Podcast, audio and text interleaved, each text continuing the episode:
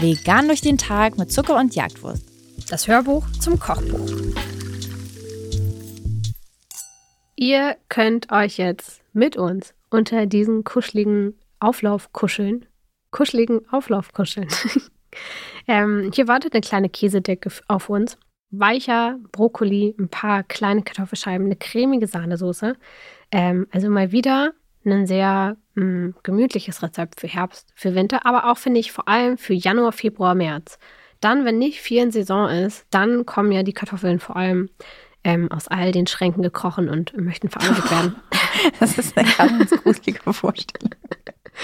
Ach, finde ich nicht.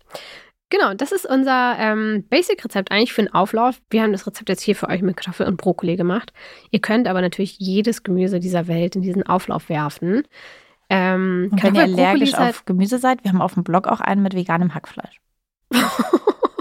Wer ist denn allergisch gegen jedes Gemüse? Kinder. Alle Kinder oh, ja. dieser Welt. Ja, korrekt. Verstehe ich. Wie auch immer. Also, was auch immer ihr in diesen Auflauf packt. Ähm, die Sahnesoße ist super basic. Wir haben die hier mit ein paar ähm, Gewürzen abgerundet. Aber im Endeffekt eine kleine ähm, Mehlschwitze gemacht, Sahne eingerührt, mit ein bisschen Hefeflocken, Geschmack verliehen, ein paar Kräuter rein, Salz, Pfeffer, super basic.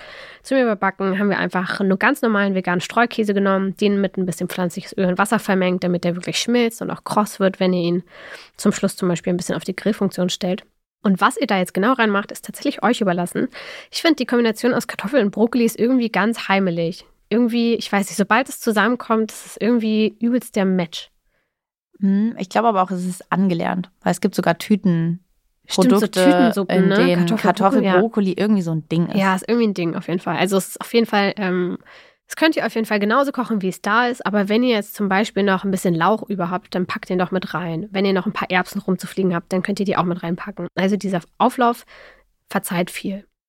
Hm, ich würde allerdings mich bei der Soße wirklich an die Mengenangaben halten. Ich finde nämlich, dass bei Kartoffelauflauf oft das Problem ist, dass der, finde ich, viel unintuitiver zu machen ist als Nudelauflauf. Hm. Dadurch, dass Nudelaufläufe wirklich viel Soße ziehen können, also weil die Nudeln, wenn ihr sie ungekocht vor allem reingebt, ähm, viel mehr noch an Flüssigkeit aufnehmen können als so eine Kartoffel tatsächlich. Deswegen habe ich oft, wenn ich das einfach mal so mache, wie ich denke, am Ende unten sehr, sehr viel zu flüssige Brühe und habe eben nicht so einen geil cremigen Auflauf. Deswegen, normalerweise würde ich sagen, macht wie euch der Schnabel gewachsen ist, aber in dem Fall, hast du noch nie gehört? Alles klar. ähm, in dem Fall würde ich sagen, so unbedingt also ich würde mir schon grob an diese Mengen halten. Ist ja auch perfekt entwickelt. Bitte hört, hört auf. Wäre jetzt auch lustig, wenn du sagst, macht es bitte ganz anders, als es da drin steht. Wir haben uns da schon Gedanken gemacht, ihr könnt uns vertrauen.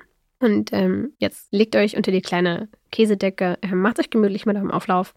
Ähm, und ob ihr Gemüse nehmt oder nicht, ist natürlich eure Entscheidung.